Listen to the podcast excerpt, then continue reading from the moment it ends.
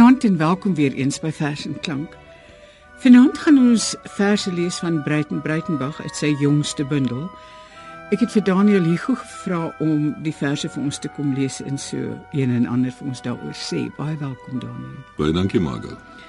En die bundel se titel is 45 skemeraandsange uit die eenbeen danser se werkruimte wat by iemand in Rousseau verskyn het. Daniel, hoe voel jy oor hierdie bundel van Breitenberg? Dit is een van sy mooiste bundels en ook een van sy toeganklikste bundels. Dit vorm eintlik die derde in 'n reeks bundels. Dit is dan seker 'n drie luik wat verskyn het sedert 2011. Die eerste is die beginsel van stof, die tweede katalekte en nou hierdie ene, die skemeraansange is die derde in die reeks. En van die drie dink ek is dit die toeganklikste, die verstaanbaarste as mens dit so mag stel. Jy sê hierdie hele titel 45 skemeraandsange uit die eenbeen danser se werkruimte. Is belangrik. Ja, veral die eenbeen danser Breiten Breitenberg se bundels wat hy in die tronk geskryf het, het verskyn onder die oorkoepelende titel Die ongedanste dans. Daar's 'n Nederlandse spreekwoord wat sê te dans ontspringe. Dit beteken dat jy die dood vryspring. So die ongedanse dans beteken dus dat jy nog lewe. En nou hier noem Breton homself 'n eenbeen danser en dit klop met sy hele opvatting van homself as digter dat hy eintlik 'n gestremde is. Hy mompel in een gedig wat ek gaan lees sê hy dat hy toemond sing. Nou dis natuurlik alles dink ek 'n uh, onnodige beskeidenheid want Breiten Breitenberg is een van ons heel grootste digters. Ek het ook met die eenbeen danser nou gewonder, is die ander been nie 'n skilder nie? Dit kan ook wees ja. En ek weet dat uh, Willem de Vries van die burger het dit geïnterpreteer as die pen waarmee geskryf word, die een been waarmee gedans word. Ons gaan begin met die eerste vers wat hy noem ek het gedroom en dit is vir my interessant dat die laaste vers in die bundel ook weer 'n vers is wat sê ek het gedroom en dit is heeltemal 'n ander droom dan. Ja, so sluit die bundel dan siklies. Maar ek lees graag die eerste droomgedig. Ek het gedroom, ek het my gedig in die deuropening sien staan met lig omstraal en 'n papiertjie in haar hand. Ek het die boodskap oopgevou en daar byna onsigbaar geskryf sien staan: Ek is die gedig waarvan jy droom om na die lig te haal. Maar ek is ook die donkerte wat jou blind teenstaar. Die lewe leef net in die openinge van die teks en verbeelding, die verbeelde ding waarvan jy toemond sing. Dit is sterm vir my baie mooi gedig. Dit is die gedig staan ook agter op die bundel afgedruk op die buiteblad. Kan ons net vir 'n oomblik praat oor die buiteblad, die voorste die voorblad? Dit is vir my interessant dat hulle dan nou net die helfte van die titel daar gesit het. Is dit 'n tipografiese Ja, probleem? waarskynlik want daar is 'n pragtige illustrasie van Bruiten, 'n selfportret, net sy kop en dan in plaas van hare het hy vere. Ja. En in die bundel self noem hy hom 'n engelaar. En dit is dan 'n samesmelting van hengelaar en engel. En 'n engel het vere, daarom het hy vere op sy kop. En die hengelaar is dui ook op sy werk as digter, hy vis die woorde uit uit die dieptes waarskynlik van die onderbewuste. Ja.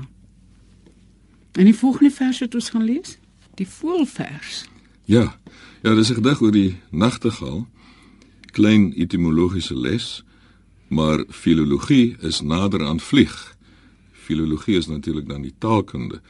En hierso vergelyk hy homself dan tot sy eie nadeel met die nagtegaal. Hy sê hy's maar net 'n nabootser van die nagtegaal. Die egte ding is die voël self wat so mooi kan sing. Klein etimologiese les.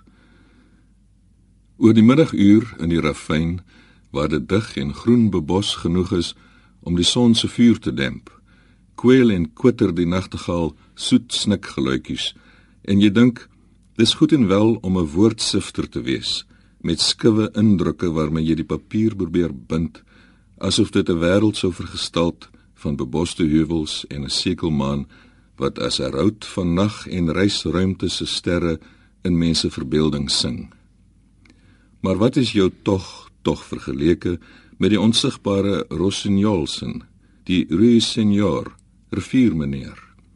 As hy hierdie seisoen sy nesie kom bou in boom en kruppelhout en rafyn om die oorhoofse trekvoel, die wyfietjie, hoog genag tussen sterre met gechikker en lang melodieuse note van vleitaal om te sing om haar eier te lê in sy gedig. Jy hoor en jy eer hom, die Nitegala, die nagsanger, roesbruin gedou op die skouers wat 'n wêreld bind asof dit papier is met verhale van verwante in verre klimate. Die Kaapse luister donker geroeg met nagvlerke en oranje pens. Die klipwagter Monticola rupestris wat in bergagtige streke skaam sy blougrys kop en nek sal wys. Die luisternagtegaal Luscinia luscinia so skaars soos liefdestaal in Natal en die Transvaal. En die lemoenvol En jy dink dit hoef nie opgeskryf te lê as uiteensetting van aanhou lewe sedert die aanvang van tyd nie. Want met middernagvuur en ook oor die middag in die kloof waar dit groen en dig genoeg is om die vlugwete van son as ster te verdoof, bid jy in skamele gebiedstameling jou woord klop klop se nabootsing van nagmaal onder die hemp.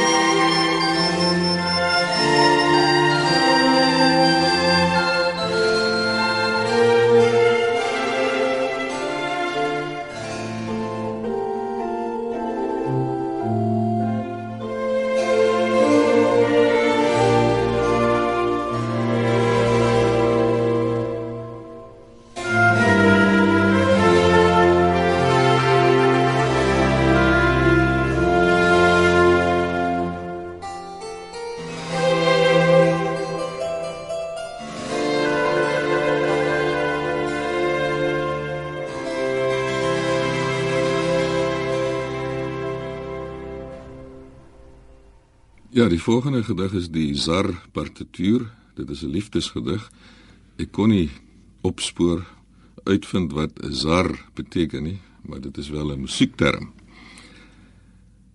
Toe die see 'n vloot wolke so vol soos 'n lied dagwaarts stoot, statige sloepe tot aan die spuigate gelaai met wind, land in oor die as en bewing van 'n somerse vlamblomblare wat verkoel in kelke en kele tussen die duine kolk om getye met die beweging van donker vokale te omsoom.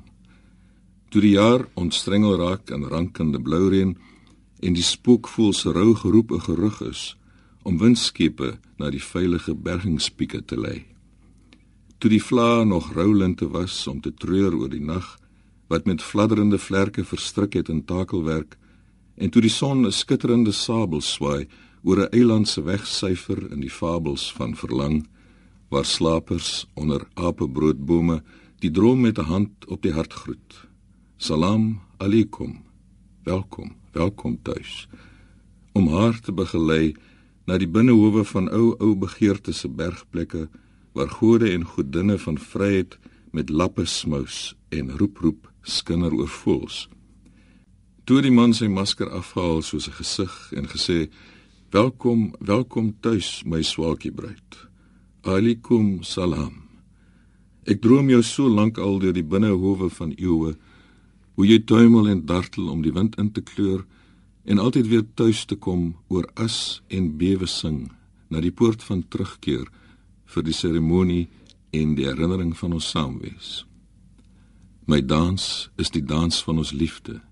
Ek is die engelaar wat die sterre uitspel in narratiewe van getye en seisoene om jou veilig terug te lei na passies van ons partituur in binnehowe. Ek kom van waar die naglyf die littekens dra van verskroeide winde en wonde soos vlerkstigmata gekep deur 'n sabel. Ek kom deur die nag van 'n verlede se klokke en kloosters, deur tuine van marmerkoninginne en voel verskrikkende woude om vir jou te fluit wanneer die dag breek en in jou oor te fluister dat jy nooit weer bang hoef te wees in my hand nie. Dat die maan maar net 'n klep is waar bloed deur moes spoel soos donker vokale om die are van ons beweging te bevrug. Elke nag sal iemand sê Is jy die droom van my reise wat pols deur leeftye se wending terug na die poort van erkenning? Welkom, welkom tuis. Wassalam alikum. Kyk, die dag sal oopgaan in binneplase waar die boomslapers hulle lappe uithang om die terugkerende verhaling van Bloureën en Frangipani op te vang met 'n hand op die hart. En dat die maan 'n klip is 'n troukaart beskilder met die alfabet van engele as onthoubrief vir jou en droomatlas om saam te dra geskryf op die vlerke vir die terugkeer altyd om met donker word die hartklop van die wind omswaggelde aarde weer te hoor en beluister as die see 'n bewing wolke land instoot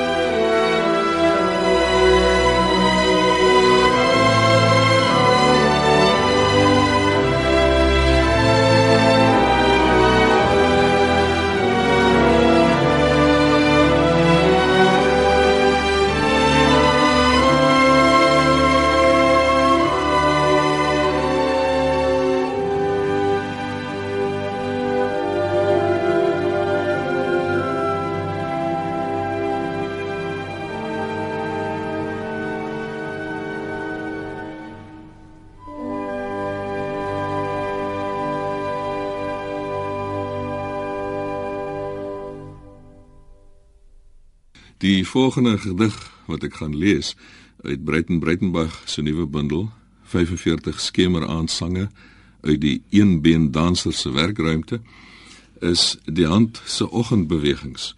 En dit speel af in Spanje waar Breitenberg ook 'n huis het.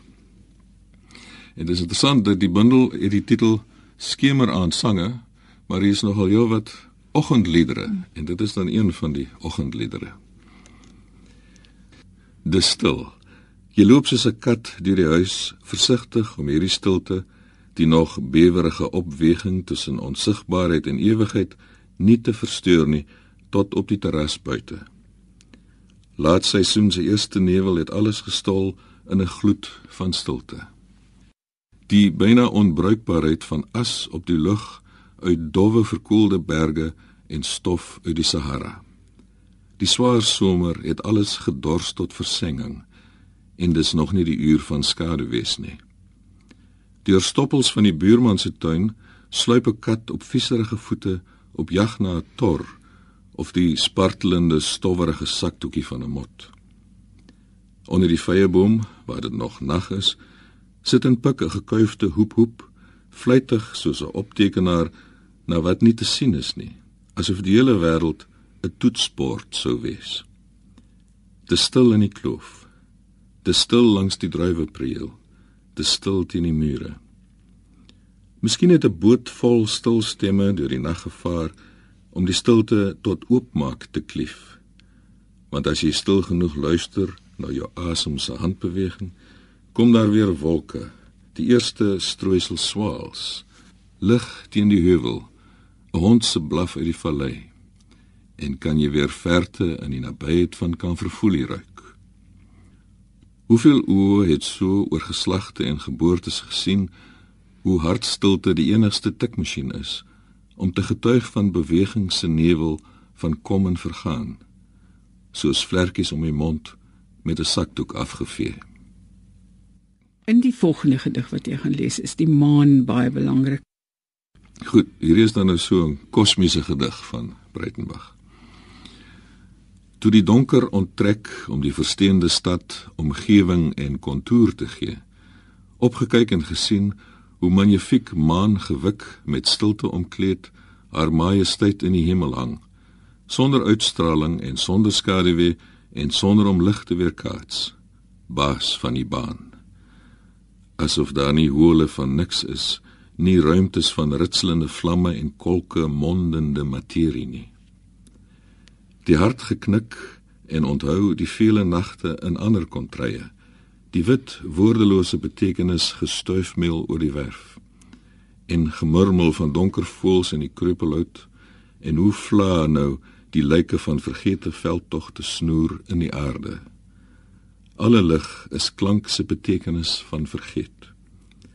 Asof daar nie hole van niks is nie ruimtes van ritselende vlamme en kolke mondende materie nie asof daar geen vleesetende slang om die maan kronkel nie. Ter afwisseling iets korts. Breiten het daarmee altyd ewe lang asem nie en hier is 'n reeksie met die titel Skryf waaruit ek twee gedigte gaan lees. Die eerste een verwys waarskynlik na bekende reëls van NP van Wyk Lou. Van Wyk Lou het gesê iets staan in sterre en helderte geskryf en ek skryf na in stof. Breitenberg sê: Wanneer jy uit asem genoeg is, op pad van nêrens na nêrens, gaan staan jy stil om te luister hoe gebeur die erns van skrywe in die stof. Dit is wonderlik. En dan die tweede een uit die reeks. Dit gaan oor Breitenberg se besondere bewustheid van die kortstondigheid van die lewe en ook van die naderende dood. Nog 'n dag gewen op die ewigheid van nie syn nog 'n wolk gesien in haar enig wees hoe sy krul in die hemel. Nog 'n gedagte in woorde gedink blink lyf uitgesleep op papiersand. 'n vis wat weer sal sink. Nog 'n muur met die hand van die been gevee 'n traject uitgestippel in die notaboek hoe dit krul in die hemel soek nog 'n asemstoot gewen teen die onsedelike oneindelikheid van nie hier wees nie. En dan hier kom die beeld van die digter as hengelaar ook te voorskyn.